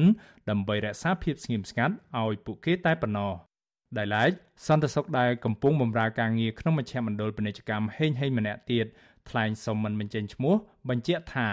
កងសន្តិសុខដែលប្រចាំការងារយាមកាមនៅក្នុងក្រុមហ៊ុនព្រមទាំងអង្គរៈដោយការពីថកែធំជាជនជាតិចិនសុទ្ធតែប្រើប្រាស់ឈ្មោះคล้ายៗពលគឺពួកគេប្រើប្រាស់ឈ្មោះឬស្លៀកពាក់ឯកសណ្ឋានដូចទៅនឹងកងកម្លាំងមន្ត្រីប៉ូលីសឬកងរាជអាវុធហត្ថនោះដែរ ថ្មីត្បិតតែមកទល់ពេលនេះសន្តិសុខរូបនេះមកធ្វើការនៅក្នុងមជ្ឈមណ្ឌលទីក្រុងហេងហេងដោយពុំទាន់មាននរណាម្នាក់មកគំរាមកំហែងយ៉ាងណាក៏ដោយក៏លោកលើកឡើងថាលោកខកចិត្តជាខ្លាំងនៅពេលដែលចូលមកបម្រើការងារនៅក្នុងកន្លែងខុសច្បាប់បែបនេះលោកបញ្ជាក់ថាពេលនេះ លោកគ្មានសេរីភាពពេញលេញនោះទេហើយលោកក៏អំពាវនាវដល់អាជ្ញាធរគ្រប់ជាន់ថ្នាក់ឲ្យចុះត្រួតពិនិត្យមជ្ឈមណ្ឌលហេងហេងដើម្បីជួយសង្គ្រោះជនរងគ្រោះដែលត្រូវបានគេបង្ខាំងធ្វើទរណកម្មជួញដូរផ្លូវភេទនិងបង្ខំឲ្យធ្វើការឆបោកមនុស្សតាមអ៊ីនធឺណិតជាដើម។និយាយទៅខ្ញុំមានអារម្មណ៍ថា មើលទៅវាពិបាកនិយាយដែរមកគាត់ថាខ្ញុំបើយើងធ្វើការនៅនេះគាត់ថាយើងដឹងថាពេលបញ្ជូនមនុស្សទៅណាទៅណាយើងអត់ដឹងព្រោះនៅក្នុងនេះផ្ទាល់ខាងទៅហៅសំទុកក្រុមហ៊ុនហ្នឹងបងមិនក្រមការសំទុកអ្នកទេអញ្ចឹងពួកគាត់ប្រចាំការ24ម៉ោងលើ24ម៉ោងគាត់ខ្ញុំមកខ្ញុំដឹងថាទីនេះគឺមានមេចិនមួយដ៏ធំគាត់អ្នកគ្រប់គ្រងនឹងទាំងមូលក្នុងបរិវេណជាម្ចាស់ធំហើយឡានគាត់នឹងមិនត្រូវពី10គ្រឿងកូនចៅគាត់គឺពេញនឹងហ្មង Visual C ស្រីបានព្យាយាមតាក់ទងក្រុមហ៊ុន Heng Heng Investment and Development Group តាមទូរស័ព្ទដើម្បីសុំការបកស្រាយជុំវិញករណីចោតប្រកាន់ទាំងនេះក៏ប៉ុន្តែពុំទទួលបានការឆ្លើយតបណាមួយគិតត្រឹមម៉ោងផ្សាយនេះតាក់ទងនឹងរឿងនេះអ្នកនាំពាក្យសាលាខេត្តស្វាយរៀងលោករស់ផារិតប្រាវិសុយស៊ីស្រីថាលោកពុំទាន់ទទួលបានព័ត៌មានតាក់ទងទៅនឹងភាពមិនប្រក្រតីនៃអាជីវកម្មនៅក្នុងមជ្ឈមណ្ឌលទីក្រុងហេងហេងនេះនៅឡើយទេ ទោះជាយ៉ាងណាលោកបញ្ជាក់ថានឹងយកបញ្ហានេះទៅជជែកជាមួយស្ថាប័នមានសមត្ថកិច្ចមូលដ្ឋាន ដើម្បីចុះស្រាវជ្រាវត្រួតពិនិត្យបន្ថែមទៀតមាននៅណាមានមានកម្មករណាធ្វើទរណកម្មខ្ញុំដូចមិនទាន់ទទួលបានព័ត៌មានហ្នឹងទេខ្ញុំខ្ញុំចាំមើលខ្ញុំស្រាវជ្រាវមើលសិនមកខ្ញុំអត់ដឹងនេះខ្ញុំសួរទៅក្រុមបបត្តិខ្ញុំខ្ញុំអត់ទាន់ឆ្លើយទេហ្នឹងព្រោះយើងឆ្លើយអត់ដឹងមូលហេតុឬមិនឆ្លើយថាម៉េច ចំណែកឯអភិបាលក្រុងបាវិតលោកលឹមសៀងហេងប្រតិកម្មខ្លាំងៗដោយលោកចាត់ទុកការរាយការណ៍របស់បុគ្គលិកមជ្ឈមណ្ឌលទីក្រុងហេងហេងថាជាក្រុមទុច្ចរិតនិងមានចេតនាធ្វើឲ្យកម្ពុជា មានកេរ្តិ៍ឈ្មោះអាក្រក់តែប៉ុណ្ណោះលោកអាហាងថាបញ្ហាអសន្តិសុខនៅតំបន់ក្រុងបាវិតក្រុមការងាររបស់លោកតែងក្តាប់ព័ត៌មានបានគ្រប់ជ្រុងជ្រោយហើយមជ្ឈមណ្ឌលទីក្រុងហេងហេងនេះលោកថាពុំមានករណីជនបរទេស ត្រូវបានថកែជាជនជាតិចិន បង្ខាំងធ្វើទរណកម្មនិងធ្វើអត្តឃាតសម្រាប់ខ្លួនឯងនោះឡើយ។ព្រោះមកដល់ពេលនេះមានជនមួយចំនួនជនអកតេមួយចំនួនដែលយករូបភាពខាងក្រៅប្រទេសមានធ្វើទរណកម្មឆក់វាយហើយមកទម្លាក់មកចោទថានៅក្នុងក្រុងបវត្តនៅពេលដែលសមាជិកស្រាវជ្រាវរកគឺមិនមានករណីនឹងនៅក្នុងក្រុងបវត្តទេគឺជាជនអកតេណាមួយចង់ធ្វើឲ្យមានភាពចលាចលនៅក្នុងសង្គម រីឯនាយកទទួលបន្ទុកកិច្ចការទូតនៃអង្គការការពារសិទ្ធិមនុស្សលីកាដូលោកអំសំអាតយល់ឃើញថាអាញាធមមិនគួរច្រានចោលនៅព័ត៌មានទាំងនេះនោះទេលោកថាអាញាធមមូលដ្ឋាន គួរតែបើកការស៊ើបអង្កេតប្រកបដោយតម្លាភាព នៅលើទីតាំងដែលបុគ្គលិកមជ្ឈមណ្ឌលទីក្រុងហេងហេងបានរីកានេះលោកថាបើពិតជារកឃើញមានករណីបង្ខាំងធ្វើទរណកម្មនិងជួញដូរមនុស្សពិតមែននោះនោះអាជ្ញាធរមានសមត្ថកិច្ច គប្បីពន្លឿននីតិវិធីជួយសង្គ្រោះជនរងគ្រោះឲ្យបានទាន់ពេលវេលាកន្លងមកអាជ្ញាធរកម្ពុជាបង្ក្រាបជាច្រើនដែរនៅនៅខេត្តប្រសេនុហើយនឹងនៅក្រុងវវត្តនឹងដែរអញ្ចឹងបើសិនជាមានទទួលព័ត៌មានអញ្ចឹងត្រូវតែចាត់វិធានការឲ្យបានលឿនជួយសង្គ្រោះទៅដល់ ជនរងគ្រោះដែលកំពុងតែជាប់នៅក្នុងការឃុំឃាំងនៅការជួញដូរមនុស្សដែលជាបទអក្រិតការជួញដូរមនុស្សដូចជាការជួញដូរកម្លាំងពលកម្មនិងតម្រង់រូបភាពនៃការជួញដូរផ្សេងទៀតឬក៏ការជួញដូរតាមប្រព័ន្ធអនឡាញហើយលំហូរចូលនៃខុសច្បាប់នេះក៏វាតកតងនឹងអំពើពុករលួយនឹងផងដែររដ្ឋមន្ត្រីក្រសួងមហាផ្ទៃលោកសខេងបានថ្លែងសារជាបន្តបន្ទាប់ដោយបារម្ភអំពីករណីជួញដូរមនុស្សនិងការលាងលុយកខ្វក់ ដែលកំពុងជះឥទ្ធិពលមិនល្អដល់មុខមាត់ប្រទេសកម្ពុជា លោកសុកហេងបន្ថែមថាកម្ពុជា កំពុងក្លាយជាប្រទេសរងគ្រោះលើករណីនៃអំពើជួញដូរមនុស្សនេះរបាយការណ៍របស់ក្រសួងមហាផ្ទៃឲ្យដឹងថាគិតចាប់តាំងពីថ្ងៃទី18ខែសីហាសមត្ថកិច្ចទទួលបានបណ្ដឹងជិត400ករណីនៅក្នុងនោះក្រុមអ ுக ្រិតជន បានធ្វើសកម្មភាពនៅខេត្តព្រះសីហនុជាង200ករណីជាមួយគ្នានេះសមត្ថកិច្ចបានជួយសង្គ្រោះជនរងគ្រោះជិត400នាក់ ចេញពីអាគារក្រុមហ៊ុននានា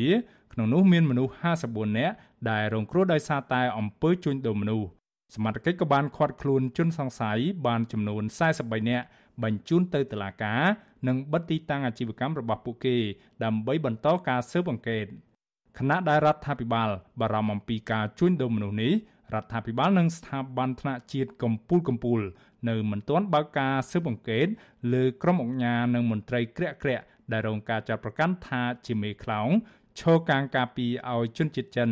បើកប្រតិបត្តិការចាប់បង្ខាំងនិងជួញដូរមនុស្សនៅកម្ពុជានេះនៅឡើយទេបើទោះបីជាយ៉ាងណាបុគ្គលិកនៅមជ្ឈមណ្ឌលទីក្រុងហេងហេងលើកឡើងថាបុគ្គលិកជាជនជាតិបរទេសមួយចំនួនធំ កំពុងរងចាំសមត្ថកិច្ចជួយសង្គ្រោះពួកគេចេញពីកន្លែងការងារខុសច្បាប់នេះ ក្រុមអ្នកតាមដានស្ថានភាពកម្ពុជាមួយចំនួន លើកឡើងថាកម្ពុជាទំនងជានឹងមិនអាចគេចផុតពីទណ្ឌកម្មអន្តរជាតិនោះបានទេ ហើយកម្ពុជាក៏មិនអាចលុបបំបាត់ឧក្រិដ្ឋកម្មជួញដូរមនុស្សនេះបានដែរដោយសារតែប្រព័ន្ធយុត្តិធម៌គ្មានភាពឯករាជ្យហើយមន្ត្រីអាជ្ញាធរនៃស្ថាប័នដែលមានតួនាទីបង្ក្រាបករណីជួញដូរមនុស្សនេះនៅតែប្រព្រឹត្តអំពើពុករលួយនោះ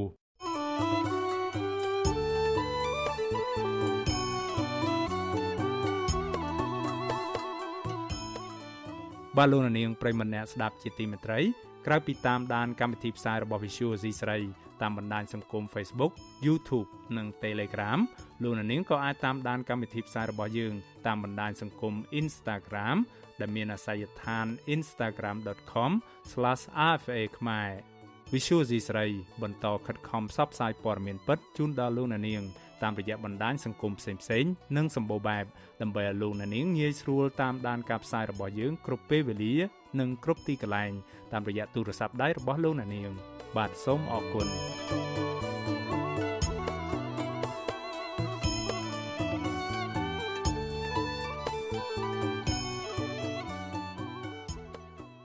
បាទលោកនាងកញ្ញាប្រិមម្នាក់ស្ដាប់ជាទីមេត្រីព័ត៌មានតកតងទៅនឹងសុខភាពវិញម្ដង បាទសមាគមសុខាភិបាលខ្មែរនៅអាមេរិកដែលមានមូលដ្ឋាននៅទីក្រុង Los Angeles រដ្ឋ California គ្រោងចុះទៅបំពេញបេសកកម្មស្ម័គ្រចិត្តឡើងវិញដើម្បីផ្ដល់សេវាព្យាបាលសុខភាពដល់ប្រជាពលរដ្ឋខ្មែរក្រីក្រ ដែលឥតគិតថ្លៃនៅខេត្តបន្ទាយមានជ័យចាប់ពីថ្ងៃទី25ខែមករារហូតដល់ថ្ងៃទី9ខែកុម្ភៈឆ្នាំ2023ខាងមុខនេះគឺបន្ទាប់ពីបានអាក់ខានអស់រយៈពេល2ឆ្នាំដោយសារតែការរាតត្បាតនៃជំងឺ Covid-19 ក្រៅតែពីការផ្ដល់សេវាព្យាបាលនិងវះកាត់ក្រុមគ្រូពេទ្យទាំងនោះក៏គ្រោងចែកចាយថ្នាំពេទ្យនិងវ៉ែនតាសម្រាប់អ្នកដែលមានបញ្ហាភ្នែកផងដែរបាទពីរដ្ឋធានី Washington អ្នកស្រីម៉ៅសុធានីរាយការណ៍ពីស្ដាប់ព័ត៌មាននេះប្រធានសមាគមសុខាភិបាលខ្មែរនៅអាមេរិកលោកវិជ្ជបណ្ឌិតតាន់សុងឲ្យដឹងថាបេសកកម្មសម្រាប់ឆ្នាំទី11នេះនឹងមានក្រុមវិជ្ជបណ្ឌិតជំងឺទូទៅវិជ្ជបណ្ឌិតជំនាញវះកាត់ និងទាន់ពេទ្យប្រមាណជាង100នាក់ចុះទៅព្យាបាលជំងឺនិងផ្ដល់ថ្នាំសង្កូវដែលឥតគិតថ្លៃដល់ប្រជាពលរដ្ឋខ្មែរនៅខេត្តបន្ទាយមានជ័យលោកបន្តថាដោយសារតែពេលវេលាផ្ដល់សេវាព្យាបាលមានកំណត់ត្រឹមតែមួយសប្តាហ៍គឺចាប់ពីថ្ងៃទី28ខែមករាដល់ថ្ងៃទី5ខែកុម្ភៈដូច្នេះអតិភិបគឺផ្ដល់ជូនអ្នកដែលមកដល់កន្លែងព្យាបាលមុនគេពេលដែលយើងទៅប្រទេសខ្មែរយើងលើកនេះ គឺយើងទៅខេត្តមន្ទីរមានជ័យយើងទៅធ្វើការនៅមន្ទីរពេទ្យមង្គលបុរីហើយនៅបោះទីតាំងដើម្បីព្យាបាលអ្នកជំងឺផ្សេងទៀតហើយនៅទៅតាមមណ្ឌលសុខភាពពីរកន្លែងទៀតហើយចំនួនស្ម័គ្រចិត្តពីអាមេរិកយើងទៅក្នុងបេសកកម្មមួយមួយគឺជាង100នាក់ពីអាមេរិកទៅក្នុងនោះមានចំនួនវិជ្ជាបណ្ឌិតប្រហែល30 40នាក់គិលានុបដ្ឋៈ និងគិលានុបដ្ឋយិកាប្រហែល30 40នាក់ហើយខាងឯកទេសផ្សេងផ្សេងទៀតហើយមួយថ្ងៃមួយថ្ងៃយើងវះកាត់តែ4 10នាក់ហើយបន្ទប់វះកាត់ក៏វាមានតិចពី6ឬក៏2ដូច្នេះជំងឺច្រើនណាស់គ្មានសមត្ថភាពមើលឲ្យគ្រប់ទាំងអស់ក្រុមវិជ្ជបណ្ឌិតនៃសមាគមសុខាភិបាលខ្មែរនៅអាមេរិក បានស្ម័គ្រចិត្តចុះទៅព្យាបាលជំងឺដែលឥតគិតថ្លៃដល់ប្រជាពលរដ្ឋខ្មែរជារៀងរាល់ឆ្នាំ ហើយបេសកកម្មលើកដំបូងគឺនៅរាជធានីភ្នំពេញ កាលពីឆ្នាំ2011បន្ទាប់មកក៏បានចុះទៅតាមខេត្តផ្សេងផ្សេងមួយចំនួនទៀតហើយកាលពីដើមឆ្នាំ2020ក៏បានចុះទៅខេត្តកំពង់ស្ពឺក៏ប៉ុន្តែត្រូវអាក់ខានអស់រយៈពេល2ឆ្នាំ គឺនៅឆ្នាំ2021និងឆ្នាំ2022ដោយសារតែវិបត្តិជំងឺ Covid-19 លោកវិជ្ជបណ្ឌិតតាន់សុងមានប្រសាសន៍បន្ថែមថាចំនួនគ្រូពេទ្យថ្នាក់ចិត្តគឺកើនឡើងជារៀងរាល់ឆ្នាំចំណែកឯប្រជាប្រដ្ឋក្រីក្រដែលមកទទួលសេវាព្យាបាលវិញក៏កើនឡើងរាប់ពាន់នាក់ក្នុងមួយថ្ងៃមួយថ្ងៃដោយសារតែគេឈ្មោះក្រុមគ្រូពេទ្យមកពីសហរដ្ឋអាមេរិកទាំងនោះផ្ដល់សេវាព្យាបាលប្រជាប្រដ្ឋបានល្អនិងយកចិត្តទុកដាក់ខ្ពស់ជាទីបំផុតស្ថានភាពដែលយើងទៅគឺថាម្នាក់ម្នាក់ចង់មកមើលគ្រូពេទ្យយើង គេឈ្មោះរបស់យើងគឺថាមកពីអាមេរិកភាគច្រើនឲ្យតែមកគឺថាគាត់ចេះតែត្អូញពីឈឺកាពះជក់កាពះជំងឺទឹកនោមផ្អែមជំងឺឡើងឈាមថាដុំសាច់នៅតាមខ្លួនជួនកាលមានពកកហើយខាងជំងឺស្ត្រីវិញ គឺមានខាងស្រោតស្បូនយើងមានក្រុមវះកាត់ខាងស្ត្រីនឹងដែរខាងភ្នែកវិញភាគច្រើនគឺថាលាកភ្នែក មនុស្សចាស់ចាស់ភាគច្រើនក៏ដូចនៅអាមេរិកដែរគឺជំងឺភ្នែកឡើងបាយជំងឺឡើងបាយគឺយើងមានក្រុមគូពេទ្យយើងទៅវះយកយកអាក្របឡើងបាយនឹងចេញយើងមានចែកវ៉ែនតាដើម្បីដើម្បីការពារកុំឲ្យមានជំងឺឡើងបាយហ្នឹងគាត់ឲ្យថ្នាំយើងទៅថ្នាំរបស់យើងយកទៅរាល់ឆ្នាំ គឺថារាប់តោនគ្រូពេទ្យជំនាញផ្នែកសុខភាពទូទៅប្រចាំគ្រួសារលោកវិជ្ជបណ្ឌិត Neil Sullivan ជនជាតិអាមេរិកដែលបានស្ម័គ្រចិត្តទៅប្រទេសកម្ពុជាអស់រយៈពេល10ឆ្នាំកន្លងមកនេះមានប្រសាសន៍ប្រាប់បច្ចុប្បន្នស៊ីស្រីពីរដ្ឋកាលីហ្វ័រញ៉ាថាលោកសប្បាយចិត្តជាខ្លាំងដែលមានឱកាសផ្ដល់សេវាព្យាបាលជំងឺដល់ប្រជារដ្ឋខ្មែរក្រីក្រដែលឥតគិតថ្លៃលោកបន្តថាប្រជារដ្ឋខ្មែរដែលរស់នៅតាមតំបន់ជនបទមិនសូវមានថ្នាំសង្កូវនិងគ្មានលទ្ធភាព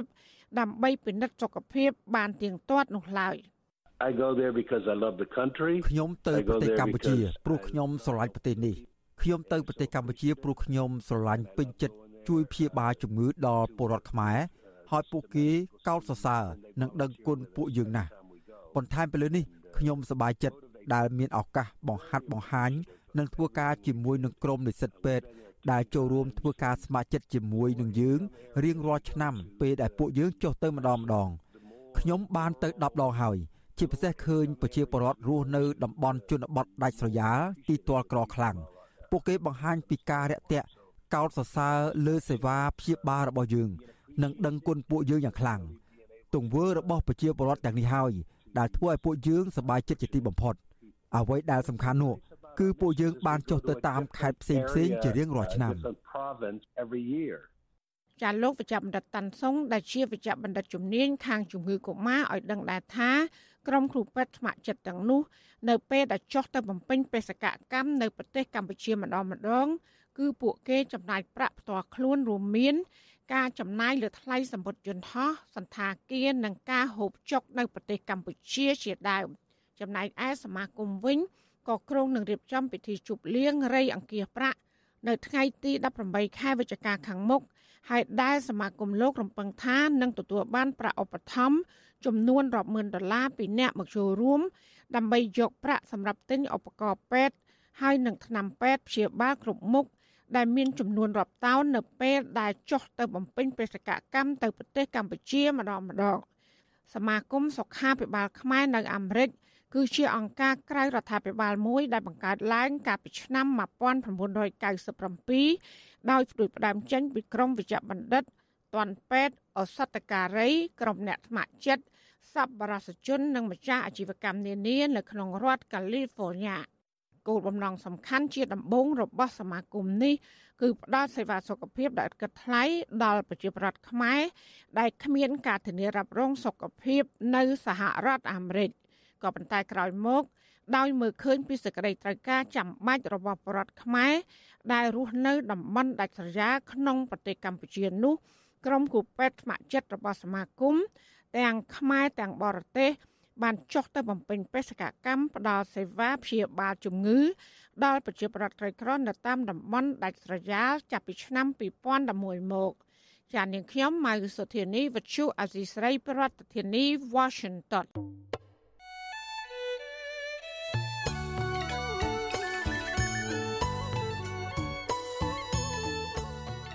បាទលោកនាងកញ្ញាប្រិមម្នាក់ស្ដាប់ជាទីមេត្រី នៅក្នុងឱកាសនេះដែរខ្ញុំបាទសូមថ្លែងអំណរគុណដល់លោកនាងកញ្ញាទាំងអស់ដែលតែងតែមានភក្ដីភាពចំពោះការផ្សាយរបស់យើងខ្ញុំហើយចាត់ទុកការស្ដាប់ Visual Asia សេរីគឺជាផ្នែកមួយនៃសកម្មភាពប្រចាំថ្ងៃរបស់លោកនាងការគ្រប់គ្រងរបស់លោកនាងនេះហើយដែលធ្វើឲ្យយើងខ្ញុំមានទឹកចិត្តកាន់តែខ្លាំងថែមទៀតនៅក្នុងការស្វែងរកនិងផ្តល់ព័ត៌មានពិតជូនលោកនាងមានអ្នកស្ដាប់និងអ្នកទស្សនាកាន់តែច្រើនកាន់តែធ្វើយើងខ្ញុំមានភាពស្វាហាប់និងមោះមុតជាបន្តទៅទៀត បាទយើងខ្ញុំសូមអរគុណទុកជាមុនហើយសូមអញ្ជើញលោកអ្នកនាងកញ្ញាចូលរួមជំរុញឲ្យសកម្មភាពផ្តល់ព័ត៌មានពិតរបស់យើងខ្ញុំនេះកាន់តែជោគជ័យបន្ថែមទៀតលោកអ្នកនាងអាចជួយយើងខ្ញុំបានដោយគ្រាន់តែចុចចែករំលែកឬ Share ការផ្សាយរបស់យើងខ្ញុំនៅលើបណ្ដាញសង្គម Facebook និង YouTube ទៅកាន់មិត្តភ័ក្តិដើម្បីឲ្យការផ្សាយរបស់យើងបានទៅដល់មនុស្សកាន់តែច្រើន បាទសូមអរគុណ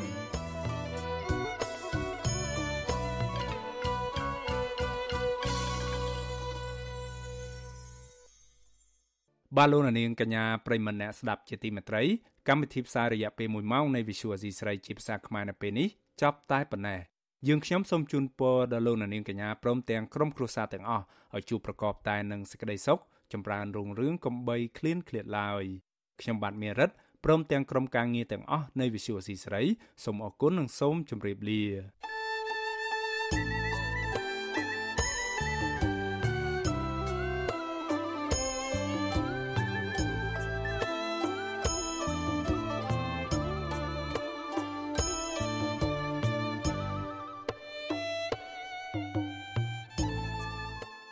ទ្យុអាស៊ីសេរីផ្សាយតាមរលក ធាតុអាកាសខ្លីឬ shortwave តាមកម្រិតនិងកម្ពស់ដូចតទៅនេះពេលព្រឹកចាប់ពីម៉ោង5កន្លះដល់ម៉ោង6កន្លះតាមរយៈរលកធាតុអាកាសខ្លី12140 kHz ស្មើនឹងកម្ពស់ 25m និង13715 kHz ស្មើនឹងកម្ពស់ 22m ពេលយប់ចាប់ពីម៉ោង7កន្លះដល់ម៉ោង8កន្លះតាមរយៈរលកធាតុអាកាសខ្លី 9960 kHz ស្មើនឹងកម្ពស់ 30m 12140 kHz ស្មើនឹងកម្ពស់ 25m និង11885 kHz ស្មើនឹងកម្ពស់ 25m លោកអ្នកនាងអាចស្ដាប់ការផ្សាយផ្ទាល់តាមប្រព័ន្ធអ៊ីនធឺណិតដោយចូលទៅកាន់គេហទំព័រ www.rfa.org/ ខ្មែរក្រៅពីនេះលោកអ្នកនាងក៏អាចអាននិងទស្សនាព័ត៌មានវិទ្យុអេស៊ីសេរី លើទូរស័ព្ទដៃរបស់លោកអ្នកផ្ទាល់សូមលោកអ្នកនាងចូលទៅកាន់បណ្ដាញសង្គម Facebook ដែលមានអាសយដ្ឋាន www.facebook.com/rfa.cambodia និង YouTube www.youtube.com/rfa ខ្មែរ video សូមលោកអ្នកនាងចុច like និងចុច Subscribe ដើម្បីទទួលបានព័ត៌មានថ្មីៗទាន់ហេតុការណ៍និងទស្សនាវីដេអូផ្សេងៗទៀតបានគ្រប់ពេលវេលា